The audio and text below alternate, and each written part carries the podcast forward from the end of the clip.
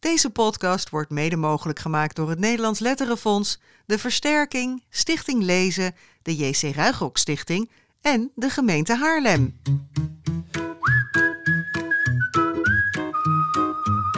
Welkom bij de 27e aflevering van de Grote Vriendelijke Podcast. Mijn naam is Jaap Frieso van jaaplees.nl en bij mij zit Bas Maliepaard. Hij recenseert jeugdliteratuur in Dagblad Trouw. En Bas, we zitten nog steeds niet op onze vertrouwde stek in kinderboekenhandel Kiekenboek in Haarlem. Waar, Nee. waar zijn we nu weer beland? Ja, we zijn eh, op het schiereiland in het Markermeer. En Ja. dat heet dus ook Marken. En eh, eh, dat is een pittoresk vissersdorp hè, met allemaal houten groene huisjes. En in een van die houten groene huisjes woont eh, de gast van vandaag. Ja, Lydia Rood. Ja. Ja, Lydia, fijn dat we bij jou welkom eh, zijn. We hebben hier wat meer eh, ruimte om de anderhalve meter in acht te nemen. Dus daarom zijn we bij jou eh, gaan zitten. En eh, nou ja, welkom bij de GVP. En Jullie eh, verlossen mij uit mijn isolement, dus ik ben heel dankbaar. Ja, want er de coronacrisis heeft, voor jou, heeft jou heel persoonlijk getroffen eigenlijk. Want jouw man Mohammed die zit vast in Marokko. ja, ja, er zijn ergere dat? dingen hoor, natuurlijk, nu voor heel veel Snap mensen. ik, maar ja. ja. Ja, ik ben wel een beetje de groene weduwe en ik voorkom er een beetje. Maar Ja. hoe, Dat, hoe eh, komt dat, dat hij daar dan nu vast zit? Ja, verkeerd getimed. Hij ging, om mijn buurman een plezier te doen, even een paar dagen naar Marokko. Hij moest ergens een handtekening onderzetten. En de volgende dag, hij was aangekomen, de volgende dag gingen de grenzen op slot. Ja, En wanneer was dat? Het is nu eind april. Eh, het is zes weken geleden. Ja. ja. Dus je bent zes weken de onbestorven weduwe hier. Ja, dat is, eh, dat is een beetje... Ja. Maar goed, Een beetje, dat is moeilijk vol te houden, vind ik. Vooral omdat je ook voor niemand anders aan mag raken. Mijn kind mag ik niet aanraken, mijn schoonzoon niet. En, eh, Nee. en verder heb ik eigenlijk bijna niet... Oh, mijn tante niet. En verder heb ik... Nou, mijn zusje. Ja. Ja. maar daar, dat mag allemaal niet. Dus eh, En voor hem houdt hij het daar vol?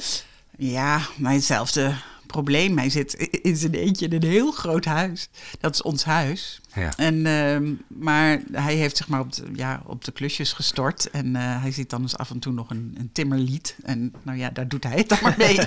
Ja, en, en jij, kom jij nou niet extra aan schrijven toe, bijvoorbeeld, nu hij er niet meer is? Eh, nou, ik was schoolschrijver, of dat ben ik nog steeds, maar ehm, en daar horen natuurlijk schoolbezoeken bij. En toen ging dat niet door. En toen dacht ik, oh, nou hou ik lekker tijd over om te schrijven. Eh, alleen eh, is het maken van digitale lessen nog best bewerkelijk. Oh, dat komt daarvoor in de plaats tussen ja, jullie. het was ook wel weer heel leerzaam. Maar ehm, ja, weet je, het is een eh, SBO-school en Speciaal basisonderwijs. Ja, en, en, en die kinderen, nou ja, die, daar zitten niet allemaal bevlogen ouders naast die de iPadjes aandragen. Dus dat, ja, dat, dat, dat, dat is wel moeilijk om ze te bereiken op deze digitale manier. Dus ik ga toch nog wel naar ze toe als die scholen weer open gaan. Ja, nou ja, goed, mooi. En, en ondertussen fijn dat je dat eh, op die manier nog kan aanbieden aan ze via die digitale les. En nog le- leerzaam voor je ook. hey, Lydia, wij gaan straks uitgebreid praten over jouw nieuwste boek. Dat heet Blauwtje. Dat gaat over Liesbeth en die speelde ook al de hoofdrol in Survival en Niemands Meisje. Ehm, dat zijn dus drie boeken, maar we hebben eerst ook nog drie andere boeken, hè, zoals altijd. Praat mee als je mee wilt praten, Lydia. Ehm, maar je mag ook gewoon luisteren. Het is allemaal Jij hebt, eh. Jij hebt een bijzonder boek meegenomen. en eh, om te beginnen een prentenboek, ja. Qua, qua vorm. Ja, dat is echt. eh, het is een debuut. En eh, dan kijk je natuurlijk met extra interesse als recensent. En eh, ja, ik was hier wel door eh omvergeblazen. Ehm, het heet De Verhuisdieren van Pieter van den Heuvel. Hij noemt zichzelf, geloof ik, copywriter of ja, zo. ik Maar ken goed. hem helemaal niet. nee, hè? nee, hij is nog helemaal niet ehm, in deze wereld bekend. Maar hij kan eh, ontzettend goed illustreren. En hij heeft een, eh, ook nog eens een heel bijzonder boek gemaakt, namelijk een Leporello. Wat is een Leporello? Een Leporello is een harmonica boek. Oh ja. Je kunt het Ja. uittrekken. En eh, eh, je kunt het gewoon lezen. Zit heel handig achterin op de, op de achterflap, zeg maar, een elastiek. Waarmee de laatste bladzijde aan de kaft vastzit. Als je het elastiek eraf haalt, dan kun je het hele boek uittrekken. Dus alle pagina's achter elkaar. En dan heb je een, een uitgestrekt vel van 4 meter lang. En dat zie je ook voorop staan. Daar zie je dieren die. eh, die bepakt en bezakt ergens heen gaan met een klein eh, wegwijzertje waarop staat nieuw huis 4 meter. Ja. Dus eh, dat is ook de lengte van het boek. Ja. En het zijn dus allemaal dieren die, eh, die aan het verhuizen zijn. En er is gewoon in die stoet ontzettend veel grappigs te ontdekken. Eh, eh, hier, ik zie, ik blader er nu door. Dan zie je de wolf. eh, vind ik een van de leukste grapjes die erin zitten. Een wolf die een, een schaap op zijn rug draagt. En die draagt dan weer een stapel met pannen. Ja. Natuurlijk licht verontrustend is. Ehm, maar zo zijn er echt ontzettend veel ehm, eh, leuke grappen in. Twee molletjes zie ik hier met een hoopje zand op hun hoofd. Die nemen hun huis min of meer mee. Ehm, en, ehm, het is allemaal net een beetje anders. Hè? Ze zijn niet heel braaf aan het verhuizen. De een neemt problemen mee, de ander inderdaad een auto op zijn rug. Ja, zo staat het ook in de tekst, hè, inderdaad. Van uh, Panter neemt problemen mee. En dan moet je zelf kijken wat, wat dan die problemen zijn. Nou ja, hij draagt een grote doos met allerlei jachttrofeeën erin. En een, en een geweer en een kettingzaag en zo. Dus dat zijn de problemen voor de Panter. dus dat vind ik wel leuk bedacht. Um, nou ja, goed, het, het, het, is, er is ontzettend veel te zien. Het is eigenlijk een kijkboek, maar de tekst, de rijmende tekst is ook uh, uh, goed gedaan. Ja, want wat maakt het nou beter? We hebben natuurlijk heel veel prentenboeken over dieren. En jij zei meteen tegen mij, ik heb nou iets gezien. Ja, nou dat, dat zit wel denk ik in die vorm. En dat, je, dat, dat ik toch wel erg onder de indruk was dat iemand debuteert met, een, uh, met een boek dat gewoon eigenlijk helemaal klopt. Ja. Weet je, vaak heb je natuurlijk bij debuten wel dat je denkt, oh ja, er zit heel veel talent in of zo, maar dit of dat deugt er nog niet helemaal aan. Of dat, dat moet nog, daar moet die persoon nog in groeien, of in de tekst, of in de tekeningen. Maar dat ik dit zag en ik dacht, ja, het is gewoon af. Ja. Het klopt helemaal. Het hebben die, dieren, want ik heb het net heel, heel uh, vluchtig gezien, maar hebben die dieren ook onderling uh, gedoe? Um, uh, nou, dat ja, er zijn wel grapjes die. Nou, ik weet niet of het echt onderling is trouwens. Maar je ziet ze wel soms een blik naar elkaar uh, um, uh, werpen. Ze dragen hier twee nelpaarden, dragen dan een walvis. En dan moet je dus zelf weer zien dat die walvis tv ligt te kijken. Dus dan denk je misschien, hè, een luilak, die, die loopt niet zelf. Of nou ja, noem maar op. Nou, een walvis kan trouwens helemaal niet lopen, zit ik niet te denken. Maar goed, maakt niet uit. Dat soort dingen zitten erin. Um, Nee, daar zit eigenlijk niet echt ontwikkeling in hoor. Het is heel erg gewoon het verhaal van een stoet. En er gebeurt aan het eind iets geks. Waar al een beetje voorbodes van zijn in het verhaal. Hè, met grote groene poten. Nou, we zullen niet helemaal de clue weggeven. Maar waardoor er wel een soort spanning in zit. Van er is nog iets, er gaat nog iets gebeuren. Nou, dat gebeurt ook. Ja. En wat ik heel mooi vind is dat de, de tekst is niet heel braaf gewoon onderaan de prenten gezet. Maar loopt met allemaal verbindende stippellijntjes. Loopt hij als het ware een beetje door de prenten heen. Wat ook heel prettig leest. En... Uh, ja, het is gewoon heel sec goed geschreven, heel bondig sumier. Ja, nou ja, en het is. Uh, ik heb het met mijn uh, Max van bijna vijf gelezen. En die vindt het dan ook echt van. Het is gewoon een fantastisch ding. Dat je dat zo helemaal kan uittrekken en op je knieën er langs kan kruipen.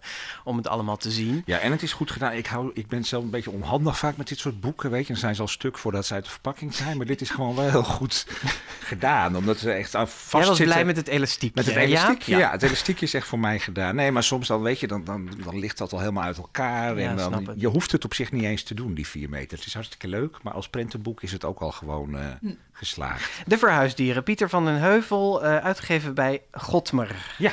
Naar de tweede, en dat ben jij, Jaap. Ja, ik moet even zoeken waar het ligt, want we zitten ja, hier, uh, Rob Ruggenberg. Ja. Offerkind. Vorig jaar overleden. Ja, dus dat wisten we niet, dat, dat, hij ook niet, dat dit zijn laatste boek ging worden. Hè. Hij was al al wel ziek, maar het leek weer beter te gaan. En hij had volgens mij op Facebook gezet van ik heb uh, nou ja, het manuscript ingeleverd, mijn boek is af, hoera. En vrij kort daarna kwam het overlijdensbericht. Dus dat maakt natuurlijk toch wel een beetje een nou ja, dat je boek ook een beetje met een ander gevoel leest. Hè. Je weet dat dit zijn laatste boek is. En ja, wat er mooi aan is, is dat het ook wel een hele persoonlijke uh, insteek en aanleiding heeft. Het gaat over uh, de oertijd. En het gaat eigenlijk, heeft hij het geschreven, omdat hij, waar hij vroeger woonde als kind in Wassenaar, was een veldje waar hij heel veel speelde. En daar zijn ergens uh, eind jaren tachtig uh, zijn daar opgravingen gedaan. En daar werd een massagraf gevonden. Ja. En nou, dat, dat is eigenlijk de aanleiding geweest om dit verhaal te, te schrijven. En nee, dat, doet hij weer zoals hij dat eigenlijk altijd doet. Hè? Dus een, een, een uh, wel historische feiten uh, nemen en daar een verhaal omheen verzinnen met waar dan wel weer veel fictie in zit. Dus het is niet heel erg uitleggerig historisch. Hè. Het, het, het, verhaal is erg, erg leidend. Maar het altijd ook avontuur. Hè, bij heel veel avontuur, maar het klopt uiteindelijk wel. En dit gaat, het, het gaat over een meisje, Aïn heet ze. En die vlucht uit, er gebeurt aan het begin meteen iets gruwelijks. En zij vlucht dan uit haar stam. Zij wonen op de hei. Het speelt ook allemaal in heel erg in van die gebieden. Dus je hebt de hei, het moeras. Dan heb je later aan zee. Ze gaan naar zee, weet je. Dus ja, het is allemaal heel erg in die, in die natuur, in die oerelementen. En... Had je toen nog veel, hè? In de tijd. ja, in de oertijd had je veel oerelementen. Ja, maar, maar, dat beschrijft hij wel echt heel mooi. Weet je, ze zakken echt in dat moeras weg. Nou er is brons, er is barnsteen, al die dingen die daarbij horen. En er vlucht iemand met haar mee. Uh, en samen gaan zij uh, nou ja, het avontuur aankomen ze langs mensen die ze soms heel eh, welkom worden ontvangen en soms helemaal niet. En eh, wordt de strijd geleverd. En er zit ook wel echt een soort onderlaag in over dat, dat meisje Ain, die, nou ja, die, die toch voor zichzelf kiest al door op de vlucht te gaan. En de jongen met wie ze vlucht, die zou wel iets met haar willen, maar dat wil ze eigenlijk ook niet, want heeft ze het gevoel dat ze weer helemaal vast komt Zelfstandige dame. Het is een zelfstandige dame die op haar toekomst is voorbereid, zeg maar, in, in de oertijd. En eh, ja, het is gewoon een, eh, een, een lekkere ruggenberg, maar ik vind het wel eigenlijk wel een van zijn... Zo betere. Ja, weet je, het is voor een... Ja, dit zijn gewoon echt, echt lekkere leesboeken. Ja, En, nou ja, eh, wat, wat ik echt heel fijn vind aan zijn boek is dat hij er ook niet voor terugschrikt om personages een kopje kleiner te maken. Hè. Dus dat het is, Nee. het is ook best gruwelijk vaak. nou, en dat hij, is in dit boek, eh, ja. het is echt niet voor, ik heb nog in mijn bespreking, het is niet voor de al te tere kinderzieltjes. Nee. Eh, er wordt hier nogal wat onthoofd en eh, ledematen afgehakt. En, Ja, goed zo, want er zijn veel te veel boeken voor tere kinderen. Ja? Dus je wordt er Ja. helemaal niet goed van. Nee, Ja, een heleboel dingen mogen er niet. nee. Ja. Dat, dat hoor ik van Juliette de Wit. Die, die zegt dan, ja, dan mag, mag er weer niemand dood. Of dan mag er weer geen, geen piemeltje te zien zijn. Nou, Ja. daar word je toch niet goed Nee. van. Jij maar houdt dat- wel van een lekkere onthoofding. zeg. Ja, ja, oh, sterker nog, daar ben ik ook over aan het schrijven. Ja, oké, nou, ja, ja. ja. Nee, maar dat, dat, nu niet over. dat geldt eigenlijk voor al zijn boeken wel. Hè? Dat, dat, eh, dat ja hij alleen het staat wel in functie, weet je. Want het Ja. past in die tijd en het staat in dat verhaal. Dus het is, niet, het is geen sensatie of ik ga eens lekker even heel erg ruw en, en, en zo doen. Het, het, het hoort bij het verhaal, maar daar schrikt hij ook niet van terug. En het, het, het eindigt ook niet altijd even fijn of zo, Nee. weet je. Het is geen pleasende schrijver. Nou ja, Nou, het- de eindredactie is uiteindelijk in, in overleg met zijn familie gedaan. Ja. Hè? Dus die eh, zijn daar helemaal tot op de laatste punt bij betrokken geweest. Mooi dat het er toch nog is. dat het er gewoon is. Ja. Offerkind van Rob Ruggenberg en het is verschenen bij Querido. Zijn nieuwste en helaas zijn En laatste. laatste, Ja. ja. Goed, dan, eh, nou, als je van onthoofdingen en dat soort dingen houdt, dan kom je hier ook eh, in eh, Ja, je trekken. Ik lekker... hou, ik hou vooral niet van tuttigheid. Nee, nou, dat is meer. dit is ook helemaal niet tuttig. Twee fonkelende sterren in de blinkend witte sneeuw. Wat een titel, hè? Ja. Het verbijsterende verhaal van de tweeling Victor en Nadja. Van Davide Morosinotto, een Italiaan van wie we al eens eerder een boek hebben getipt. Het mysterieuze horloge van Walker en Dawn. En dat werd eh, natuurlijk, omdat het getipt was in de GVP, ook bekroond met een vlag en wimpel later. maar... ehm, ja, ontzettend fijne schrijver is dit, zeg. Wat kan die goed eh, vertellen, die man? Hij, ehm, eh, het, is wel zo'n boek waarbij ik uiteindelijk weinig aantekeningen heb gemaakt. Hè. Er zijn niet heel veel mooie zinnen of zo om aan te tekenen, maar het, het loopt als een trein. Ja. Mag ik dat cliché gebruiken? Ja. Ehm, Nou, je wilt doorlezen. Je wilt het is doorlezen. 500 pagina's, maar je, je snelt er doorheen. ja. En die aantekeningen hoef je eigenlijk ook nog niet te maken, want die worden ook al een beetje voor je gemaakt. ja, precies. Ja, ja. Vertel Wat even kort hoe, hoe dat is eruit- een mooi zinnetje. ja, dat is een mooi zinnetje. Maar hoe ziet dat eruit, zeg Ehm, maar? Het, eh, het ziet er meteen prachtig uit. Dat, eh, dat zal iedereen eh, kunnen beamen die het ziet. Met rode en blauwe drukletters. Veel de historische foto's erin. Het is dus ook een historische roman. Het speelt in de Sovjet-Unie. Ehm, eh, vlak na het uitbreken van de Tweede Wereldoorlog. De aanval die Hitler tegen de afspraken in op eh, de Sovjet-Unie pleegt. En het beleg van Leningrad, wat daar uiteindelijk eh, uit volgt. En deze tweeling, en Victor en Nadja, die zijn twaalf wanneer die oorlog uitbreekt. En zij worden geëvacueerd uit Leningrad om de kinderen er allemaal weg te krijgen. En de afspraak die Victor met zijn vader maakt, is dat hij op zijn zusje blijft letten. Of andersom trouwens ook, dat ze op elkaar letten. Maar ze worden eigenlijk binnen no time gescheiden. Ja. En eh, nou, dat, dat, dat is dramatisch natuurlijk. En eh, je, het is eigenlijk een soort dagboek. Ze hebben Ja, want wat, schriftjes. wat, ja, precies. Dat schriftjes ik bij horen. Ja, ja. Schriftjes, ja. Sorry hoor, zegt hij het nou, ik ga, ja? Nee, ik ga niet snel genoeg voor Nee. je. Ik ben te Jawel uitgebreid. hoor, nee, maar het, het gaat om die schriftjes. Het hè? gaat om die schriftjes. Ze hebben Ja. allebei schriftjes bij zich. En daarin eh, houden ze dus allebei hun belevenissen ja, bij. voor elkaar. Ook Voor in de hoop elkaar. dat ze dat later Ja. weer aan elkaar kunnen laten lezen. Wat ze natuurlijk niet weten, want het is echt oorlog. En Ja. ze kunnen ook hartstikke doodgaan en ont- onthoofd worden. zeg Precies. maar. Ja. En wat je nu leest zijn eigenlijk al die schriftjes, maar dan na de oorlog. Ja. En er leest ondertussen ook een eh, kolonel van de geheime dienst van de Sovjet-Unie na de oorlog dus Ja. mee. En die maakt daarin aantekeningen. Dus je ziet in de kantlijn geschreven aant- aan- aantekeningen eh, die eh, commentaar geven op de tekst. En die tweeling heeft nogal wat meegemaakt, heeft nogal wat Sovjet-wetten overtreden. Dus daar wordt ook overal bij ze. Aan de lopende band. Aan de lopende band diefstal van staatseigendom, artikel 89. Nou, dat, dat soort Oneigenlijk dingen. gebruik, landbouwvoertuig. En dat is heel geestig. Weet je, dat hij ook echt erbij zet af en toe even uitzoeken of dit wel mag volgens deze Ja. wet. Of, eh, dus dat, dat maakt het een hele grappige Ja, inderdaad. Ja, Eh, het verhaal op zich helemaal niet zo grappig is. die en die natrekken, weet je, Ja. dat soort eh, echt wat Want je uiteindelijk is het boek ook bedoeld om te kijken of zij Ergens- schuldig ergens schuldig onschuldig zijn. Ja. Nou ja, Morosinoto die laat die tweeling uiteindelijk een, een, ja, een sleutelrol vervullen eh, in eh, het- ja, het beleg van Leningrad en de, de, wat daar zeg maar, uit volgt.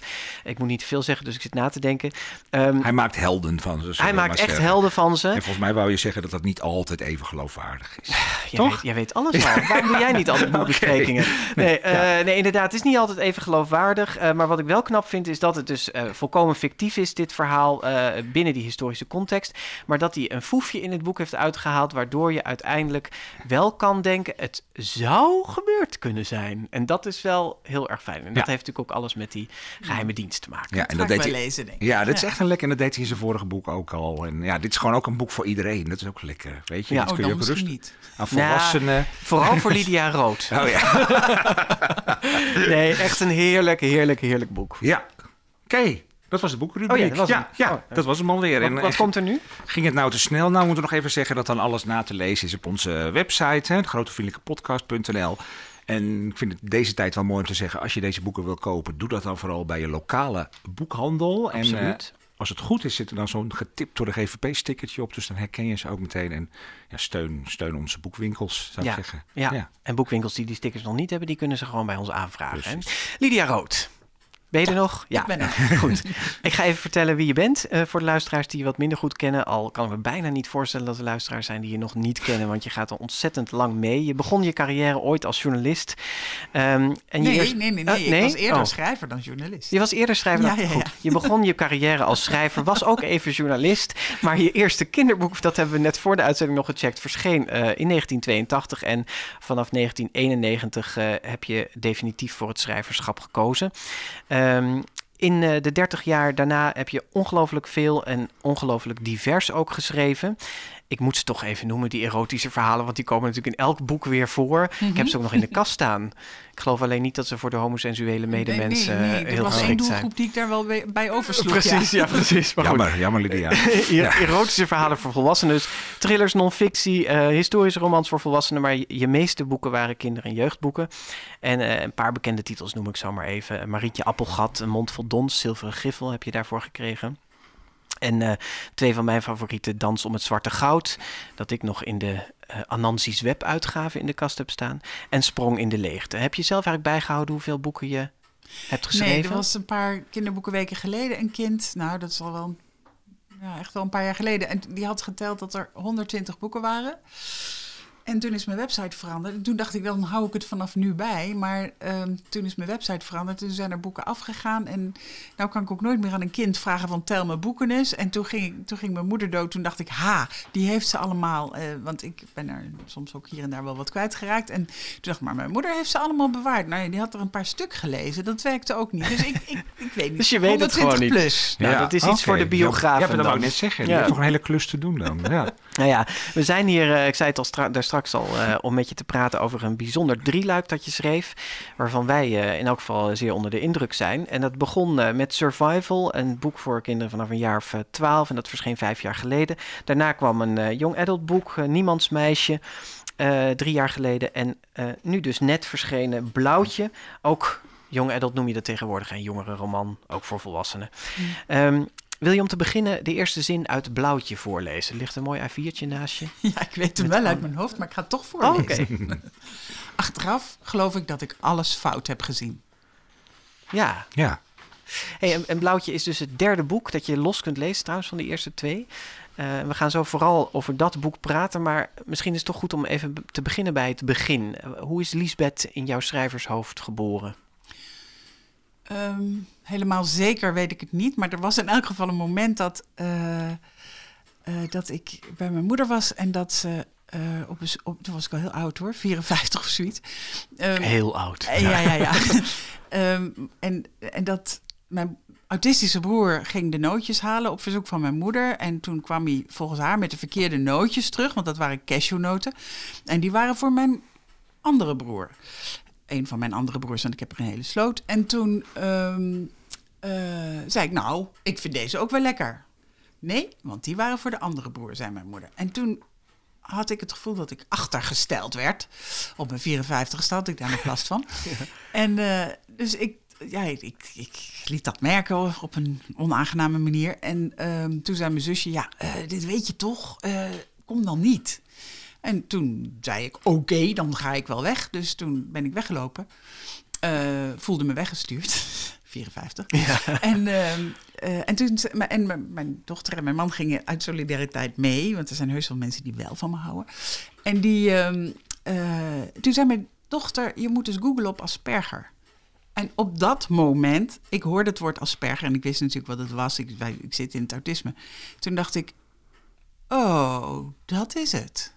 En alle dingen die er mis waren gegaan in mijn jeugd vielen op hun plek. Het was niet mijn moeders schuld en vooral het was niet mijn schuld. Eh, tot dat moment had ik het gevoel dat ik niet deugde.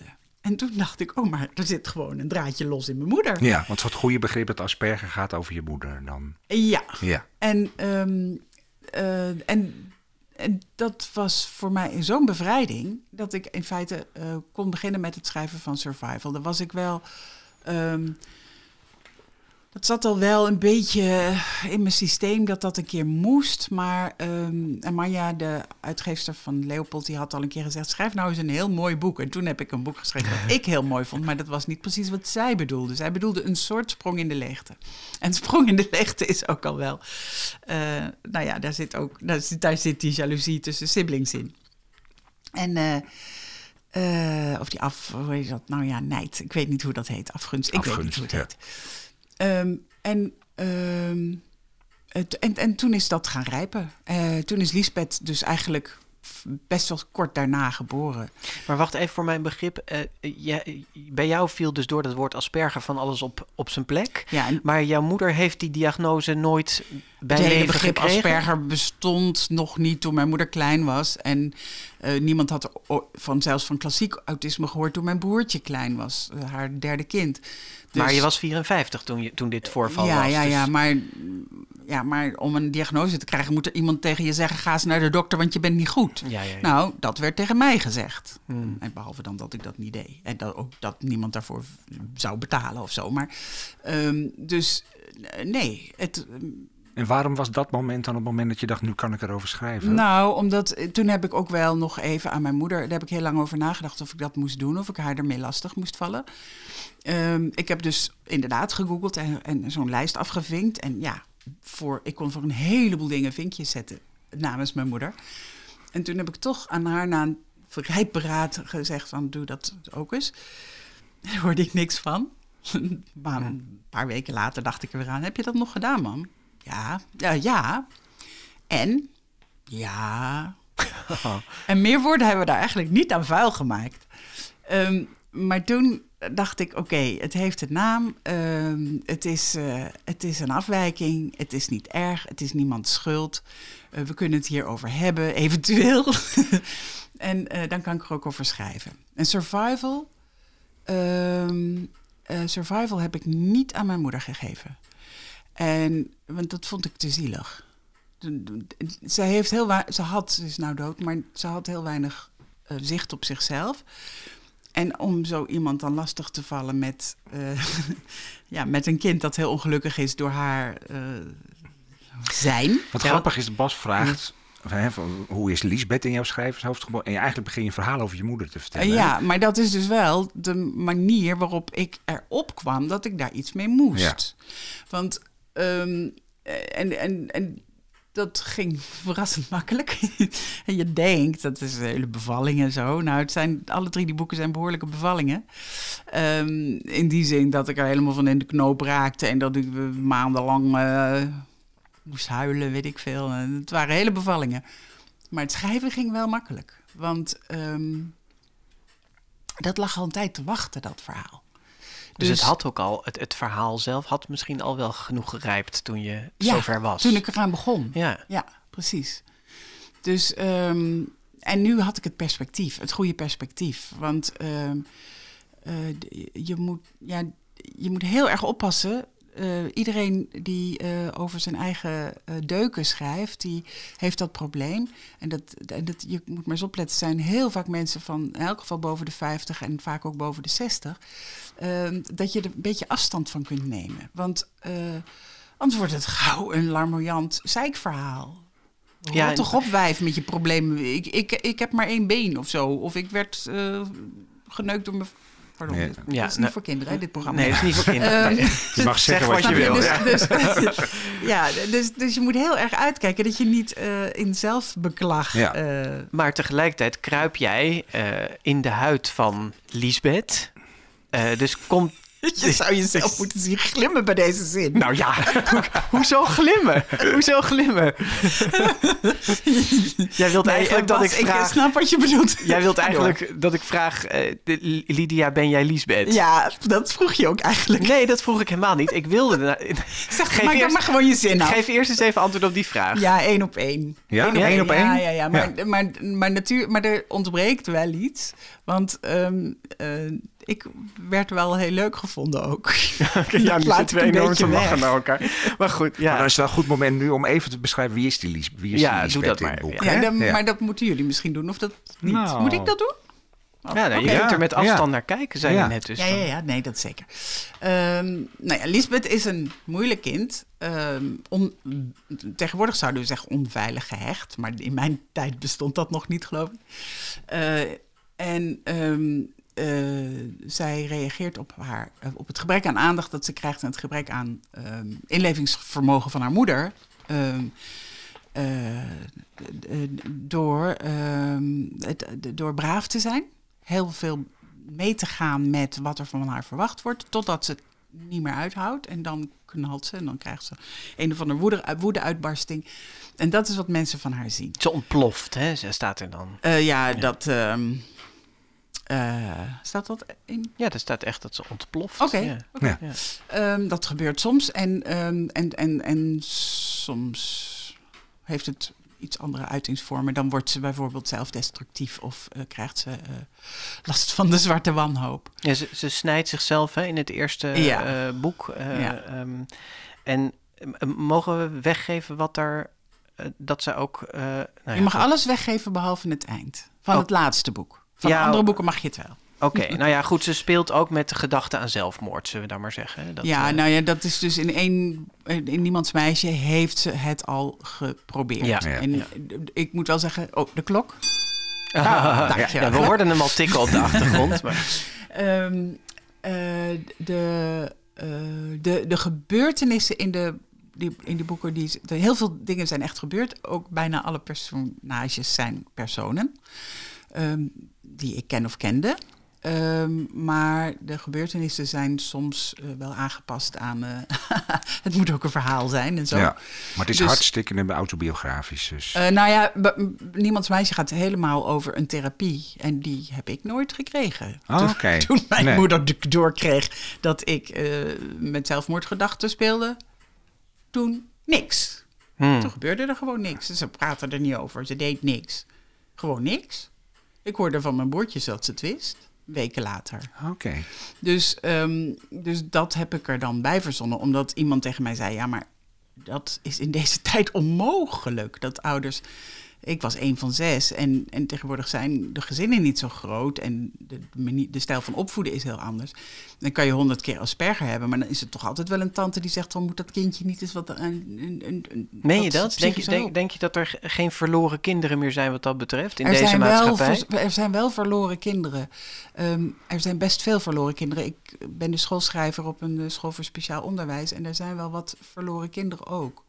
Ehm, maar ehm, dit is een, eh, ja, dit is een intellectueel milieu. Mensen die, ehm, Eh, de, de, de familie van Lisbeth, hè? de familie van Lisbeth, daar zou toch zeker wel ergens iemand zijn die zou zeggen. En, en trouwens, ook op school zijn er signaleringssystemen en zo. Daar is veel er is meer gewoon, aandacht er is ook meer voor. over bekend natuurlijk. Ja. Ja, en, en denk je dat er meer bekend is over, over Nou, ik denk wel suïcidale eh, neigingen? Ja, Dat misschien weet- wel. Ja, in ieder geval zijn volgens mij psychische klachten onder jongeren wel veel meer bespreekbaar dan, eh, dan vroeger ook op en school. dat is Ja. gewoner om het, Het is over te hebben. ja. ja. Ja, ja, ja, ja. Maar goed, even terug naar de boeken. Want eh, eh, je zegt dus net tegen Jaap van hè, die therapiesessies. Het tweede boek is eigenlijk helemaal op, bijna helemaal opgebouwd uit eh, verslagen van die therapiesessies die Lisbeth eh, eh, met haar therapeut heeft.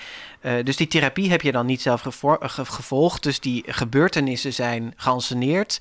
Maar het personage of de kern van het personage ligt bij jou. Ja, en ook de dingen die ze mee heeft gemaakt met haar ouders. Die Mm. zijn. ik heb echt. Ik heb een heleboel weg moeten laten omdat niemand dat zou geloven. Eh, het is echt wel vreemd. De, de, de effecten zijn wel. Ik heb eens een keer tegen iemand gezegd: mijn moeder ehm, eh, had Asperger of was een beetje autistisch.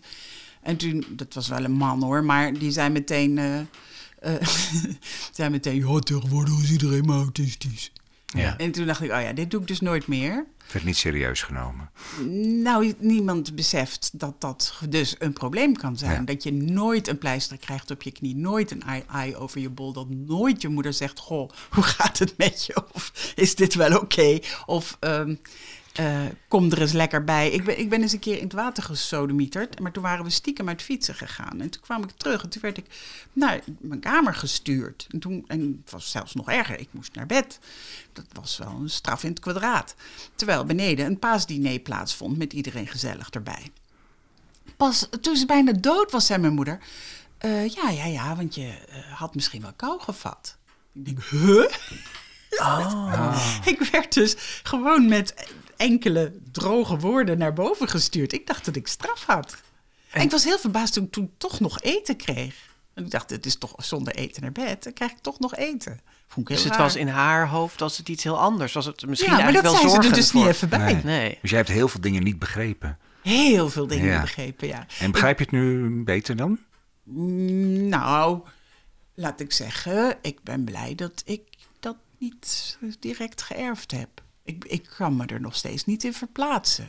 Nee, maar met het schrijven van die boeken eh, kom je, ja, doe je daar wel een poging toe, lijkt me, om dat in elk geval uit te zoeken hoe dat precies zit. Het gaat ook heel erg over die relatie tussen Lisbeth en haar moeder Hella in het boek. Ja, dat gaat in alle drie de boeken Ja. daarover. Ja. En, ehm, en dat was in de familie ook van, nou ja, Lydia die kan het om een of andere vreemde reden niet met onze moeder vinden. Dat, was, eh, nou, dat vonden ze allemaal maar heel raar. Totdat ze dus zelf allemaal ouder werden en langzamerhand ook beginnen te beseffen dat we misschien gewoon een rare moeder hadden. En eh, eh, dat daar gewoon ook eh, iets aan schortte en zo. En nu is het ook heel bespreekbaar. Nu verschuilden we elkaar voortdurend uit voor autist en zo. Ja, ja, ja.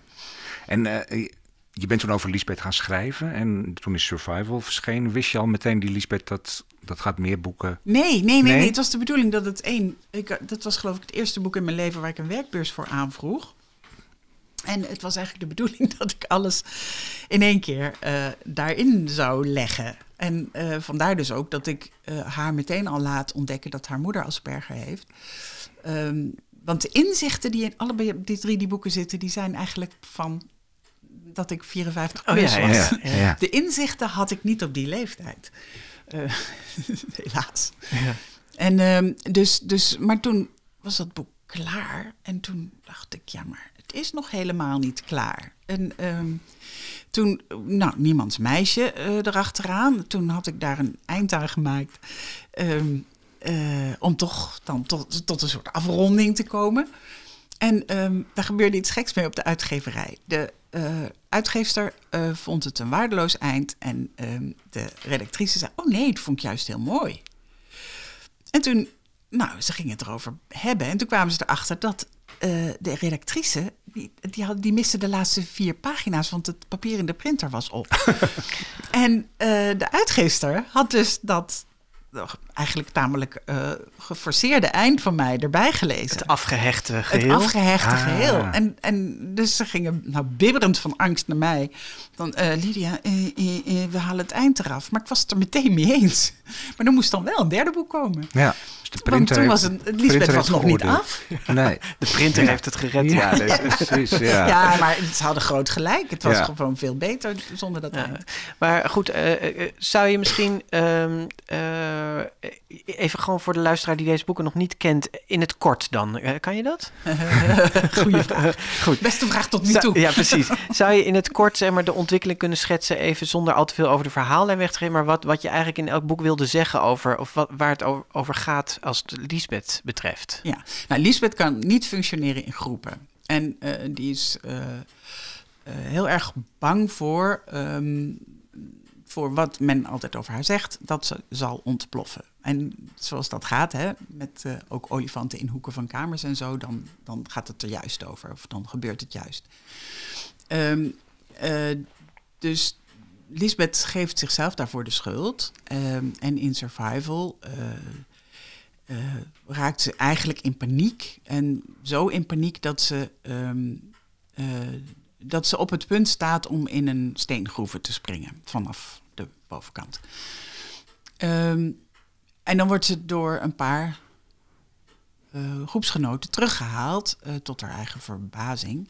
Ze denkt, ze komen me niet achterna. Hè? Of, die- Ja, daar is ze zeker Ja. van eigenlijk. Ja. En dan, nou ja, tot er verbijstering komen ze er dan toch halen. En, ehm, eh, en dan wordt ze eigenlijk gedwongen om met andere ogen naar zichzelf te kijken. Eh, niet alleen met negatieve ogen, maar misschien ook, misschien deugt er iets wel aan haar. En ehm, in dat boek, eh, de- ze is in een kamp en er is ook een meisje met Asperger. En dat weet zij niet. Het is wel een beetje een gek meisje. Het is nog steeds de korte samenvatting. Eh, ja. ja oké. Eh, en eh, zij komt er dan daardoor, doordat ze dat woord hoort, komt ze erachter dat haar moeder Asperger Ja. heeft. Dus dat is de ontdekking van ik. misschien deug ik niet, maar in elk geval ehm Is met mijn moeder ook ook. vooral mijn moeder. Dat is eigenlijk de ontdekking die je Dat als is de eindontdekking 54-jarige Ja. Ja. had. Ja. Ehm, de, dan zou je, denken, zou je hopen, nu gaat het verder goed met haar. Maar zo simpel is het allemaal niet, want in niemands meisje ehm, blijkt dat de deuk gewoon te diep is. En het is een gat. En daar komt ze, daar, ze kan gewoon eigenlijk niet leven. Ze is eigenlijk totaal, en in de puberteit wordt alles erger. En in de overgang. Dus eh, eh, ja, daar, daar komt ze dus dan achter. Van ja, het is nog. En en eigenlijk is het in niemands meisje nog erger. Ehm, eh, daar heeft ze dan echt een poging gedaan. En ehm, is ze eh, een soort officieel gek. En, en, en wordt ze dus ont, ontleed en geholpen, zogenaamd. Maar dat helpt er van de regen in de drup. Want ze, krijgt niet, ze blijft van haar moeder iets verwachten wat die moeder niet kan geven. En, ehm, en ze kan zichzelf nog niet geven wat zij nodig heeft. En in Blauwtje eh, gaat ze de liefde op andere manieren bij elkaar eh, sprokkelen. Daarin gaat ze eigenlijk, in het eerste boek gaat ze op survival kamp dus. Hè? En in, in het laatste boek gaat ze weer op een kamp, maar dan als begeleidster van autistische jongeren. Ja. En daarin ehm, zoekt ze dan, eh, dan is ze al iets volwassener. Ze heeft, eh, 19 inmiddels. ja, dus ze heeft ook een beetje zicht op zichzelf en ze weet wat ze fout doet soms en probeert dat te vermijden en zo. Maar dat, dat gaat dan toch wel weer mis. Eh, omdat als er stressvolle gebeurtenissen aan de hand zijn, dan kan ze dus niet, en dan heeft ze niet genoeg copingstrategie om daarmee om te gaan. Dus, en bovendien kijkt ze zichzelf nog de hele tijd door de ogen van die strenge, oordelende moeder. En de vader is totaal niet met haar bezig, dus eh, daar heeft ze ook niks aan. En wij- hoewel, hoewel ze dus op een kamp is, eh, mist ze dat toch, die veilige basis. Als mensen geen veilige basis hebben, doen ze gewoon overal waar ze zijn raar. En, Dat is ehm, eigenlijk de kern van deze drie boeken. dat is eigenlijk de kern. Ja. ja. ja, en dan ehm, de buitenwereld oordeelt daarover als, ehm, eh, ja, Je bent niet goed, Snik. Ja, of in elk geval lastig. Of Ja. eh, mensen, er zijn mensen die gaan gillend voor mij op de vlucht. Ik jaag er elk jaar wel weer eentje gillend weg. Ja. Tegelijkertijd Dus- heeft Lisbeth bijvoorbeeld wel al heel lang een vriend. Nou, Beer. en dat moet toch ook ergens vandaan komen? Precies. Hè? Ja. En jij eh, schreef eh, in jouw recensie, Jaap, ehm, eh, wel iets over dat ze niet zo sympathiek is. Ehm, maar ze heeft toch ook iets wel. Ja. En eh, jammer dat jij dat dan niet ziet. Nee, dat, dat, Maar, eh, ik moet het even voor Jaap opnemen. Dat ziet hij zeker. Dat stond dan misschien niet in de recensie. Maar Maar daar stond dat er ook wel in hoor. Dat ze juist. De, de- ze is niet Ik heel. snap hem wel. Ja. ja. Ja, nee, maar, maar ze, ze is dus niet altijd, laat ik maar zeggen, makkelijk Nee, in de ze is niet omgang. makkelijk. Ze is niet likable. Nee, ze is niet, eh, precies. nee. Het is geen, het is geen aai-beestje. nee. Dus, ehm, maar ehm, eh, heel veel jongens vinden er wel leuk. En, maar daar maakt ze wel eens beoordelingsfouten in. Eh, vandaar dat blauwtje. En, ehm, dus, is- maar ze zoekt het dus eigenlijk weer buiten zichzelf. Ze Ja. zoekt het weer bij anderen. Het moet weer van anderen komen. En ehm, eh, dat heb ik dus ongeveer tot mijn, nou ja, ik, ik wil niet weer 54 zeggen, een andere leeftijd gedaan. Dat, daar, heb je, daar heb je dus niks aan. Want mensen kunnen je wel eens niet mogen. Ik mag zelf ook wel eens iemand niet. Dus ehm, dat is helemaal niet erg. Dat hoef je niet zozeer op jezelf te betrekken. Dat hoef je niet meteen de bodem onder je bestaan weg te laten slaan. Maar dat deed Lisbeth wel en ik ook. Ja. En ehm, dus ze is eigenlijk nog steeds niet af. Maar ik ben wel blij dat mensen zeggen die dit, zoals jij weer, Jaap. Dit is waarschijnlijk het ehm, laatste boek over Lisbeth, of misschien niet. Ja. Dat, dat weet ik dus ook nog Nou ja, niet. Ik heb het gevoel dat het niet het laatste boek is hoor. Als je me er zo over hoort praten, heb ik opeens ook het gevoel. Ja, nee, Ja. zeker. Maar, eh, eh, Maar, wat- dat, maar dacht je dat ook nadat je het gelezen had? Nou ja, wat ik heel interessant vind aan d- het drieluik wat er dan nu ligt, is dat je ook elke keer op een andere manier weer naar. eh, volgens mij heb ik dat ook geschreven over Niemands Meisje. Dat het heel interessant is dat, ze, dat jij elke keer op een andere manier, ook op een andere leeftijd trouwens, maar ook op een andere manier weer naar haar kijkt. En volgens mij kunnen daar nog wel wat manieren bij om haar nog verder Ja, uit ik te heb, er nog, ik heb er helaas nog één verzonnen. Ja. Ehm, ik ga nou eerst een heel ander fantastisch leuk project doen. Maar ehm, ik heb een vierde boek, maar dat is dan niet van Lisbeth. Eh, niet over Lisbeth, maar van Lisbeth. Oh, ja, want ze wil schrijver worden, hè? ja. ja, ja, ja. Oh, dan heeft ze zelf een boek geschreven. Ja. Nou ja, wat, wat misschien wel ook even goed is, omdat we het nu over die verschillende vormen en manieren hebben, eh, dat valt in deze boeken ook wel heel erg op. Hè. Survival is nog een tamelijk traditioneel geschreven eh, boek, al zitten er veel flashbacks in bijvoorbeeld.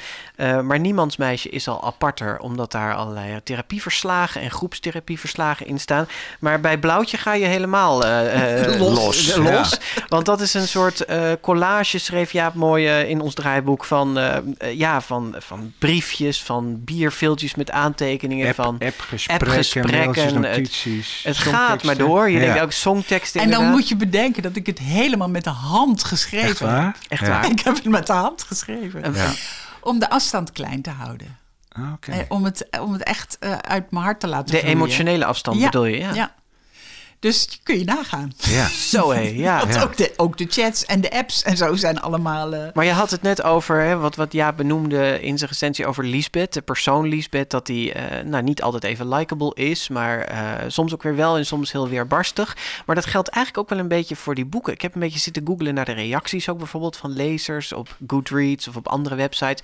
En de een die vindt het helemaal fantastisch en de andere die kraakt het volkomen omdat het zo weerbarstig is, zo, zo raar is en Ja. zo treurig Weerbarstig soms is een ook. mooi woord in Ja, deze, ja. ik ook. Ja. Ja. Ja. Want in dit boek ook, het, hè, misschien moet je even straks nog uitleggen wat je doet, maar zij is eigenlijk haar, haar leven aan het ordenen hè, door allerlei dingen in, in laadjes te leggen. Ja, lees dat stukje maar even voor. Dat is eigenlijk een beetje de inhoudsopgave van wat zij aan het doen is. Ja, ja, Eh, ja. Ze sorteert Ehm, alles. Ze Ja, sorteert, sorteert alles, alles. in laadjes. Ja, en heeft Ze- negen ze heeft verschillende dus een heleboel etiketten. snippers van haar leven eh, op een grote berg. En dan gaat ze dat allemaal in, ehm, in laadjes doen. En die laadjes heten achteraf alles wat ik nu weet en eerst niet. Beer, alles over mijn vriend. En liefde en seks. Checken, alles wat ik niet weet of wat misschien anders zit dan ik denk. Dood, over de zwarte wanhoop. Echt gebeurd, alles waarin ik me niet vergis. Fouten, mijn vele stommiteiten. Gemiste kansen, nou dat zijn gemiste kansen. Hella over mijn onmogelijke moeder en haar onmogelijke dochter. Helaas, twee keer. Ik, wat ik denk, wie ik ben, wie ik denk dat ik ben. Nou, dan weten we meteen waar dit boek over gaat. hè?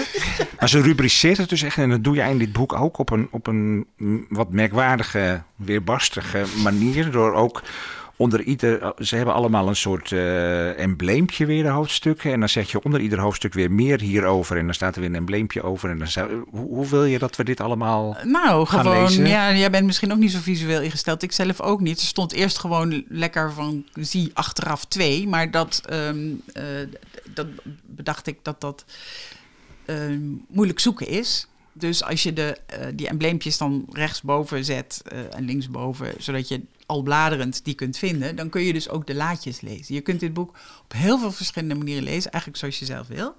Je kunt eh, gewoon van voor naar achter en dan krijg je het chronologische verhaal. Maar je kunt dus ook per laadje lezen. En je kunt ook per um, verhaallijntje lezen. Want die verwijzingen die, die, die, die breiden dan zo'n heel verhaallijntje uit. En mijn dochter kreeg het boek in handen. En ik had het er eerst niet willen geven, omdat uh, haar vader net is overleden. En die zit ook in het boek. En, um, uh, maar ze, ze zei, ja, ik kom in de verleiding om het per laadje te lezen. En dan niet alle, niet alle laadjes, maar sommige laadjes eerst. Oh, ja. En dan denk ik dat ze bijvoorbeeld, dat heb ik niet gevraagd, dat heeft ook de privacy, maar en elke lezer is privé bezig met een boek, vind ik. Dat is een soort iets intiems. Maar uh, ik denk bijvoorbeeld dat zij het laadje Hella wel opzoekt. Dus dat is het laadje ja, over, over de, moeder. de moeder. Maar waarom heb je het op deze manier gedaan? Ik raakte er namelijk af en toe wel echt van in de war. Ik denk, wat moet ik, moet ik nou weer gaan bladeren? Wij zijn natuurlijk oldschool lezers die gewoon van ja, maar A dat tot Z ook, een boek lezen. Ja. ja. Maar dan denk ik wel van, het is misschien anders bedoeld. Want hier staat weer meer hierover, zie hoofdstuk met vraagtekentje. En, ja, het mag. Je mag kijken. Er, er, er is een van de proeflezers uh, die wilde steeds teruglezen. Die wilde steeds zeggen, hoe zit dat dan eigenlijk?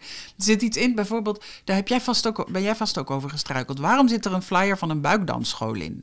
Ja. Maar als je die verwijzingen volgt, dan snap je heel goed dat het niet irrelevant Ah, is. En dat het er wel, dat het heel belangrijk is zelfs. Maar waarom deed je het? ja. Is het om, De- ook om de lezer een beetje de ongrijpbaarheid van Lisbeth daarin te... Ja, verschillende laten voelen? redenen. Ten, eh, Lisbeth is ongrijpbaar, zeker. Eh, in de puberteit ben je continu in de war. Ook eh, een goede reden. Ehm, eh, de, eh, het echte leven zit snipperig in elkaar. En dat veroorzaakt dat je geen overzicht hebt. Dus, dus, en dat is eigenlijk ook het probleem in die levensfase, maar ook voor Lisbeth. Ze, ze heeft moeite met naar zichzelf te kijken. En met, met, met Kijk, heel veel boeken zitten in elkaar met zo'n duidelijke verhaallijn. En dan denk je, oh ja, dit is het probleem en daar is het opgelost, of niet. En dat, zo, heb, zo heb ik heel veel boeken geschreven. En als ik voor, voor jonge of domme kinderen schrijf, dan, uh, dan doe ik dat ook zo. Maar uh, het echte leven is gewoon, een potje, dat is gewoon een potje met pieren. Daar kom je niet uit. Nee. En um, dus dat, die verwarring wilde ik wel overbrengen. Ja. Ja, dat is gelukt dan. Ja, dat is wel- en heb je, hoe heb je dat dan geschreven? Heb je, heb je het ook in al die verwarring en Ik heb een versnippering geschreven? gemaakt. Ik heb uh, een, uh, een trailer gemaakt. Misschien moet ik die dan meteen ook eventjes uh, op Die gaan we in YouTube de, gaan we in de Ja. show, show Ja. notes. Ja, maar Vertel want, even wat, want eh, ik heb het, um, dat wil je natuurlijk weten, Ja. in welke volgorde heb je het Ja. geschreven? Nou, ik heb uh, een, um, uh, een, een schema gemaakt, dat hele verwijzingssysteem. Um, Kan ik me voorstellen. daar heb ik eerst vrij veel tijd aan besteed. Ja. En, um, uh, en, en dus, dus de laadjes en de. En, de, en, de, en, de, nou, en toen um, uh, uh, intuïtief. Hm. Gewoon intuïtief. En, en, en Je bent gewoon gaan schrijven. ik heb wel af en toe een fragmentje geschreven. Of dan kwam ik, stuitte ik opeens op een nummer waar ik altijd heel erg van moet huilen. Maar ik heb het nu zo 80.000 keer gehoord dat dat dan nu wel meevalt. Dat is uh, Cornflower Blue? Starry, Oh, nee. Starry Night. Oh Nee, ja. Dat Cornflower Blue, daar stuitte ik op. Dat was Dat een gelukje. Ja. Ja. Maar, um, dus dat gaat over Vincent van Gogh. En met Vincent van Gogh heb ik al de hele grote... Maar dat hebben we McLean is dat, geloof ik. Hè? Ja, ja, ja. ja, prachtig. Ja. Um, hele grote affiniteit gevoeld. Ik snap helemaal wat er met Vi- Vincent van Gogh misging. En uh, dat is namelijk gewoon het is precies hetzelfde als wat er met mij misging. Ja, ik weet niet of je een autistische moeder had, maar in elk geval, um, er kwam wel een hoop affectie uh, te weinig Ja. uh, zijn leven in. Hey, ik, ik, Dus ik- nou ja, en dan, dan kwam ik op zo'n nummer en dan, nou, dan moest dat er ook. in. Ja. Dus ja, intuïtief. heel intuïtief. Ja, maar je hield wel overzicht dan. Ja, want daar was, eh, Dat schema. Daar was het schema daar voor. was het schema Ja. voor. En ik hield van elk fragment bij. En dan in de goede laadjes Ja. en volgorde. Dus ik kon alles opzoeken. En kriskras, hè, want dat moest steeds op elkaar aansluiten. Want hoe je het ook leest, het sluit, sluit op elkaar aan. Maar Ja. dat moet je wel goed... Het, was een, een- het klinkt als een enorme puzzel inderdaad. Wij hebben natuurlijk ook een soort schema gemaakt voor deze uitzending, maar die Ja, ligt die, dat ligt helemaal al eh, eraf. Nou, wat ik in elk geval nog wel even... wa- Wat, wat recensenten over deze boeken zeggen... eh, maar ook, ook ge- eh, zeg maar gewone lezers tussen aanhalingstekens... eh, is dat ze zo rauw zijn, zo eerlijk. Opwindend is een woord wat eh, eh, valt. Hè, omdat je zo open schrijft over thema's als zelfmoord... of automutilatie of autisme. nou ja, Ontzettend opwindend. Kort, nou, ja, nou ja, opwindend in de zin, denk ik. Nou ja, er komt trouwens ook gewoon. eh, de, de seksuele opwinding komt eh, ook zeker in dit boek eh, voor. De- maar ja, het gaat vooral heel erg over die openheid. Is dat iets wat je. voelen deze boeken ook zo aan als een soort. Ja, kijk, je, ik- dit is. Ik kom wel eens een docent tegen en die doen dan heel ingewikkeld, zoals jij dus net ook deed. Ehm, van, je hebt hier zeker wel veel research voor gepleegd vroeger een keer, een keer eentje. En ik, ze wilden gewoon weten, hoe, is, gaat dit over jezelf? Dat wilden ze gewoon weten. Dus dat wist ik van tevoren. Ik heb dus de boeken niet aan mijn moeder gegeven. Nou ja, het laatste was ze al eh, overleden. Maar, ehm, eh, en omdat ik weet, je hoeft, ja, je hoeft mij maar één seconde te zien en, en die boeken te lezen. En je weet dat het over dezelfde persoon Sterker gaat. nog, ik moet eerlijk toegeven dat ik jouw hoofd in, in mijn hoofd heb als ik dit lees. Dat vind ik helemaal niet erg. Nee, maar dat is. Ja. dat, dat, het gaat Maar tegelijkertijd, over mij. Lydia, zit ik nu in het Maar- hele gesprek altijd te denken. Het is zo ontzettend open wat je geschreven hebt. Hè? Ja. Je gaat zo ontzettend helemaal. gaat heel ver daarin. Gaat er echt heel ver in. Ja, Ja, is ja dat- maar ja, je moet het doen of je moet het niet doen. Of Nee, je doet het niet. Maar, ja, moest, dat, maar dat moest. Dat moest. Ja. Ja, Nee, ja, het hoeft omdat eh, ik ben natuurlijk mijn hele leven bezig. Dat snappen jullie wel. Ik ga, vlieg voortdurend uit de bocht. Of nou, het is wel wat minder geworden de laatste tijd. Maar ik ben natuurlijk mijn hele leven bezig om me aan te passen. En te zorgen dat ik toch in het plaatje van een vriendelijke, leuke meid of vrouw, eh, oud wijf pas. En dat is gewoon, dat, wordt, dat is zo vermoeiend. Ja. En dit was mijn kans om een keer te laten zien van... ja jongens, sorry, maar ik kan er ook niks aan doen. En dit is waar, wat het is. En je doet het er maar mee. En ik doe het er nu in elk geval voortaan mee. En wat heeft het je dan tot nu toe opgeleverd om dit te schrijven? Eh, nou dat. Dat Ja. ik af en toe tegen mezelf kan zeggen van... nou ja, leuker wordt het niet. Nee, dit En, is wat het ehm, is. Ja, en... en eh, Ja, maar ik kan me en, ook voorstellen en dat er een zijn soort... een paar mannen, want, want, want Beer was door dik en dun trouw. En, ehm, eh, en er, dus, nou ja, er zijn er nog meer geweest, maar nou ja, eigenlijk twee. Man twee is, eh, die, die vindt mij helemaal niet gek. En Beer vond mij ook helemaal niet gek. Eh, en man 2 heb je het over Mohammed. Ja, Ja. ja. Dus, dus ehm, Maar goed, eh, de- nog even terug naar Jaap's vraag van het moest. Eh, kijk, dit kan, je bent schrijver, je zou het ook in, in, voor, in een soort dagboek kunnen structureren voor jezelf en het dan verder niet aan de buitenwereld toe hoeven vertrouwen. Maar nee, dit maar is het wel een gaat soort juist van. om de buitenwereld. Want ehm, eh, eh, die buitenwereld heeft voortdurend oordelen op mij afgevuurd. De buitenwereld is mijn vijand. De buitenwereld heeft mij bijna vermoord. En het, sorry, ik heb het gehad met de buitenwereld. Even niet met jullie. Nee. Inclusief Mark van de techniek. Ehm, maar ehm, eh, de, de, ik heb het ermee gehad. Ze kunnen het krijgen. Dat is het ook een beetje. Ja. Ze, ze, ehm, Maar dat bedoelde ik ook een beetje met wat heeft het je opgeleverd. Dat is dat heeft het me dus Ja, opgeleverd. Ja. Ja. Dat was Je hebt dit kunnen zeggen. Ja, nou ja, je. dit- ja. je kunt zeggen, dit ben ik en dit is... Ja. En dat bedoel ik, dat het zo je had het natuurlijk in een, voor jezelf kunnen houden, maar je had het ook op een iets andere manier kunnen schrijven, dat het wat verder van jou af. Ja, maar dat heb ik natuurlijk al heel vaak gedaan. Ja. De- en dat kinderboekenweekgeschenk, dat is een grappig voorbeeld in 2007. Dat is heel lang geleden. Eh, daar Kaluha Zong? Ja, ja, wat goed van je. ja. Niemand, geen enkel kind kan dat uitspreken. Of tenminste, ze kunnen het allemaal wel, maar ze denken dat ze het niet kunnen. Kaluha Zong. Nou ja, dat eh, speelt in een fictieve wereld voor een deel. Maar het gaat natuurlijk eigenlijk over het jongetje dat vlucht in, in die internetwereld, die virtuele wereld. En, ehm, en daar is eigenlijk eh, niet, daar is niet zoveel aandacht naartoe gegaan. Iedereen sloeg aan op dat, eh, want het was toen nog nieuw, Second Life en zo. eh, dat je dan dus kunt verdwijnen met een avatar in een of andere v- verzonnen wereld. En niemand had het over dat arme jongetje dat werd opgesloten in een, ehm, in een eh, berging onder de flat. eh, en, en, en van wie de moeder vond dat hij perfect moest zijn. Maar daar, maar daar zat het Daar in. zat jij ook al in. Ja. Maar dan zou je wel kunnen zeggen dat deze boeken eh, misschien wel het meest dat jij wel het meest in deze boeken zit van, alle, van alle, alles wat je hebt geschreven? Of dat jij dit het meest bent? Ja, dat denk ik wel. Ja. Omdat ik hier geen moeite heb gedaan om een personage te verzinnen. Ik heb gewoon geen pers ik heb helemaal geen personages Nee. verzonnen. Waarom heet ze niet Iedereen Lydia? eh, bestaat die in die boeken zit. En waarom heet ze geen Lydia? Ze heet Lydia eigenlijk. Ja? nou, ehm, eh, ik eh, heb altijd een hekel gehad aan, een, aan namen op een A. Ik vind, of voor mij dan, omdat ehm, eh, dat is zo lief en zo meisjesachtig. En dat vond ik niet bij mezelf passen. Dus ik wilde niet met een A heten. En ehm, mijn moeder noemde me wel eens Liespot. Nou, dan is Lisbeth ligt heel dichtbij. Ze noemde me ook Pietertje. Ik heb ook, een, ik heb ook een roman geschreven met een Pieter in de hoofdrol. Oh ja. ik zie Jaap ondertussen verwoed bladeren in het Nou ja, we zitten van, natuurlijk heel erg aan eh, de tijd. En ik zat even te denken, zullen we nog een stukje voorlezen doen? Of eh, we moeten even live beslissen nu wat we, wat, wat we wat doen. we gaan ja, en- doen? En, welk of gaan stukje we nog dan? een uur door? Of, heb, eh, heb jij een voorbeeld? Nou, eh, nou, of, eh, dit stukje toch? Kan- ik wou niet zeggen een voorbeeld, maar een voorkeur voor een van de twee stukjes die we nog hadden, eh, eh, Lydia. Oh, hebben we twee Ja, stukjes? achterop staat ook nog een stukje. Dat is zo'n Oh. driftbui, zeg maar. Oh ja, nee, dan doe ik die achter- achterste. Ja, dat vind ik zelf dat is heel tekenend. Moet je even Ja. vertellen, maar dat is een, een nou ja, beschrijft over zo'n zo'n ontploffing, zeg maar. Hè? Ze zeggen dat je een rood waas voor je ogen krijgt, maar dat heb ik niet. Mijn blik vernauwt zich, het beeld flikkert en dan zie ik weinig meer. Ik hoor ook niks, behalve de woorden in mijn hoofd die me woedend hebben gemaakt. Ik spuug vuur, geen woorden. Ik herinner me er later niks van. Soms, als ik iets in mijn hand heb, zie ik heel even het punt waar dat uit elkaar moet spatten. En dan gooi ik het. En dan spat het precies daar uit elkaar en word ik weer blind.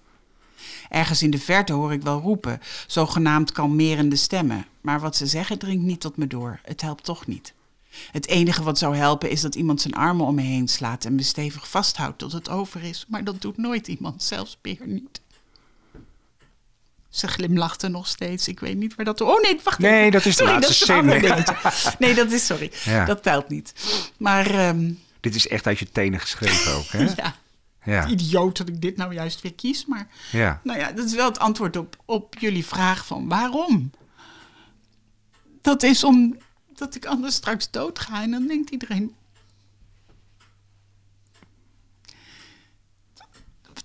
Er was geen zak van te begrijpen. Het ging alle kanten op. En, en voor je het wist kon je, kon je het langs de kladden krijgen. En dan begon ze met de dingen te smijten.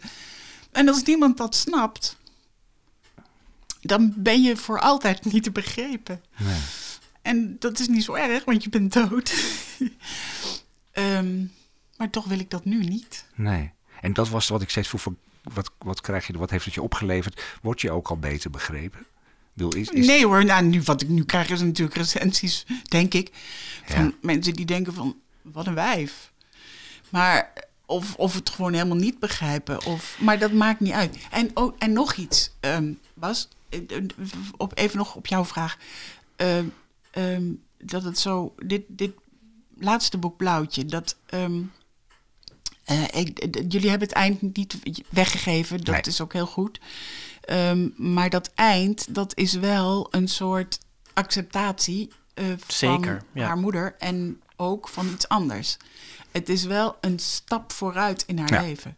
En, en mijn moeder is dood en toen ze overleden was, zat er een eh, brief in een boek. Een ander boek wat ik hier al over geschreven had voor volwassenen. En eh, weer een ander boek. Eh, en er zat een brief in van mijn moeder die zei: Ja, sorry, ik heb het niet tijdens je leven. de klok. Ja. Nee, niet tijdens je leven. Als je dit vindt, ben ik dood, maar dan snap je dat ik toch heel veel van je hield. Ja. En dat is dat liedje ach- aan het eind van het boek. Dus ehm, het is ook gewoon. En eh, mijn moeders lievelingskleur was blauw. Het is ook, oh ja. ja. Ja. Volgens mij. eh, Ehm, Het is een beetje raar dat ik er zo bij zit te janken, maar het was de eerste keer dat ik het over dit boek had. ja. Ehm, wat ik me wel dan afvraag als ik dit nu zo hoor, is ehm, eh, je, je kunt willen en zeggen van ik, ik, dit, ik smijt dit bijna naar de buitenwereld, hè, deze boeken. Ze hoeven niet en te ze, lezen. ze doen het er maar mee. Ehm, maar als het, je zo, als het zo kwetsbaar is en dat je zo ook nu ook aangrijpt, dan vraag ik me af, ben je, ben je dan... eh, niet ook heel erg bezig met de reacties die hierop komen en, en hoe die reacties dan zullen zijn? Nee, juist niet. Nee? Nee? Nee, nee nou ja, als, ik, als jij dan zegt, uh, uh, ja, van dat niet sympathiek, dan denk ik wel van, uh, zeg. ja, trouwens. hey, dat is wel even, dat, dat, dat, dat, dat voel je wel.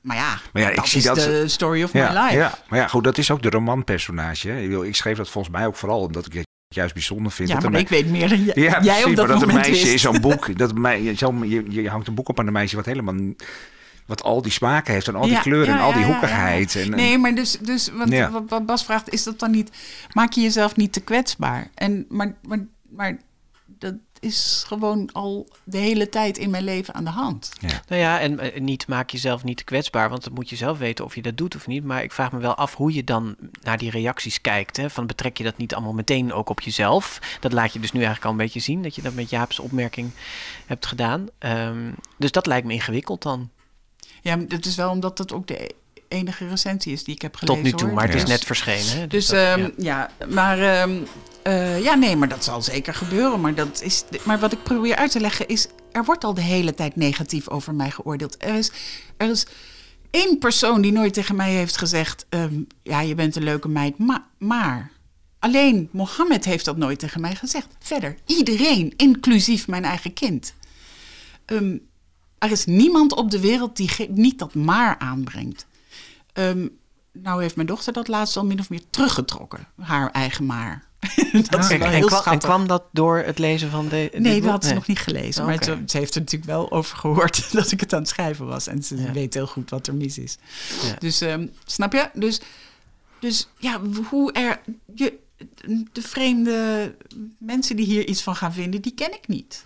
Dus dat is nooit erger dan dat... de mensen die zo het dicht zegt. bij je staan. Ja, Ja. ja. Nee. Goed, ik, ik- we kunnen hier nog lang over praten. We hadden nog heel veel anders Nog willen drie vragen. uur. Ja, nee, maar het is, eh, ja, je bent er heel openhartig over. Ik zou zeggen, dit, dit is gewoon een hele bijzondere reeks, weet je. En eh, ja, wij hebben mm, ons met ontzettend veel plezier maar aandacht en, en gelezen. Dat mag toch wel zeggen. Dat Nee, ja, zeker. Nou, hele goed, bijzondere anders boeken. zouden we hier niet zitten Nee. natuurlijk. En, Nou, eh, gelukkig. Nou, en, en ook, ook vooral dat gevoel wat, wat ik eigenlijk aan het begin al verwoordde, maar dat je het gevoel hebt van dat dit, eh, ehm, dat dit binnen jouw hele oeuvre ook, eh, je voelt aan alles dat dit heel erg persoonlijk is en heel urgent is. En dat, dat was daarom ook waarom wij hierop aansloegen toen dit nieuwe boek kwam. Eh, van hé, hey, nu moeten we er wat mee met deze boeken. Weet je? Ja. Dat, eh, dat terwijl je bent we- een veelschrijver natuurlijk. Hè. Je, er komen veel boeken van jou uit. eh, dus we hadden elk ander boek ook kunnen kiezen. Maar dit voelde gewoon van hier moeten we wat mee. Ja, Ja. fijn. Hebben we Dank gedaan. Dus eh, straks gaan we nog even naar de laatste zin uit je boek horen, die je eigenlijk al stiekem een beetje verklapt. Maar eerst gaan we even naar dit. grote vriendelijke parel. Ja, Lydia, er komen een paar jeugdboeken voor in blauwtje. Het boek van alle dingen van Guus Kuijer en het wonderbaarlijke voorval met de hond in de nacht van Mark Hedden. Maar je hebt eh, toch iets anders gekozen. Geweldige boeken, maar eh, eh, ja, ik heb. ehm, eh, eh, ik, ik zag tot mijn verbazing dat Miep Diekman nog niet in jullie Nee. parel. Fijn dat je erop zet. stond. Ja. Maar Marijn bij de Lorredraaiers, dat is ehm, eigenlijk de. Dat is eigenlijk mijn grote voorbeeld ook voor een heel ander soort boeken dat ik ook schrijf. Ik zit altijd, De historische romans. staan. Ja, Ja. En, ehm, en, en, en ook boeken gewoon over de wereld. eh Anansi's Web eh, of, of eh, Dans om het Zwarte Goud, wat een imperialistische titel is volgens mij. Maar ehm, eh, die, eh, dat- is daar een voorbeeld van. Je, toen ik dit boek las, ehm, ik weet niet precies hoe oud ik was, maar nog wel een kind. Ehm, van Miebe Diekman dus, Marijn bij de Lorredraaiers. Wat speelt in de 17e eeuw, over, eh, gaat over de slavenhandel met name. Ook wel de slavernij, maar vooral de slavenhandel.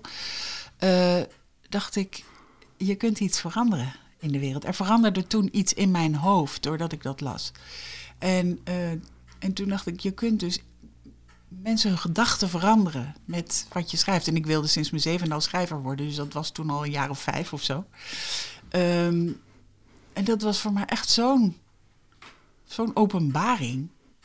Dat, dat, ja, dat boeken daar misschien wel voor En wat waren. bedoel je met veranderen eigenlijk precies?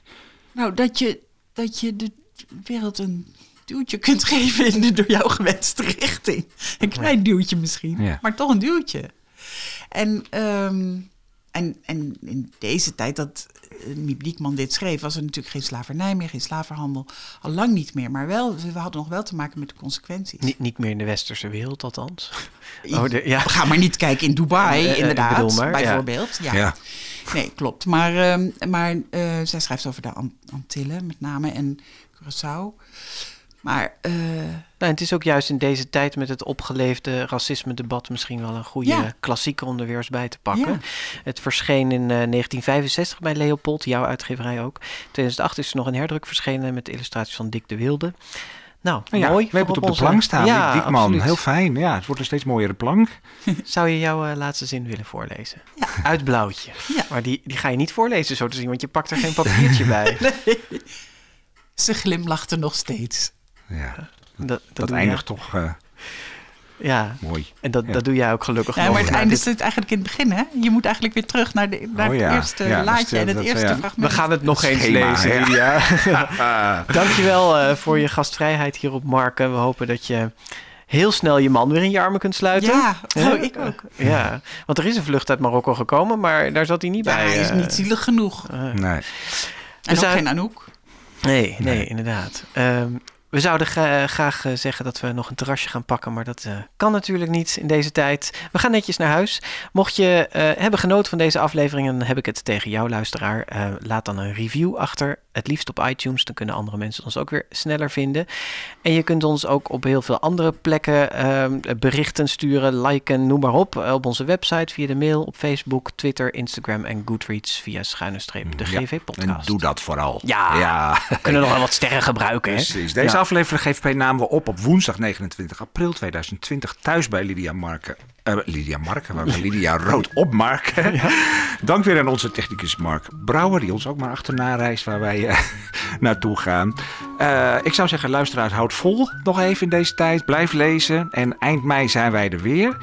En dan hebben we weer hele bijzondere gasten. Zeker. Ja, een zeer geliefde illustratrice die na acht jaar weer met een nieuw groot prentenboek komt. Charlotte Demanton. Tot dan. Tot dan.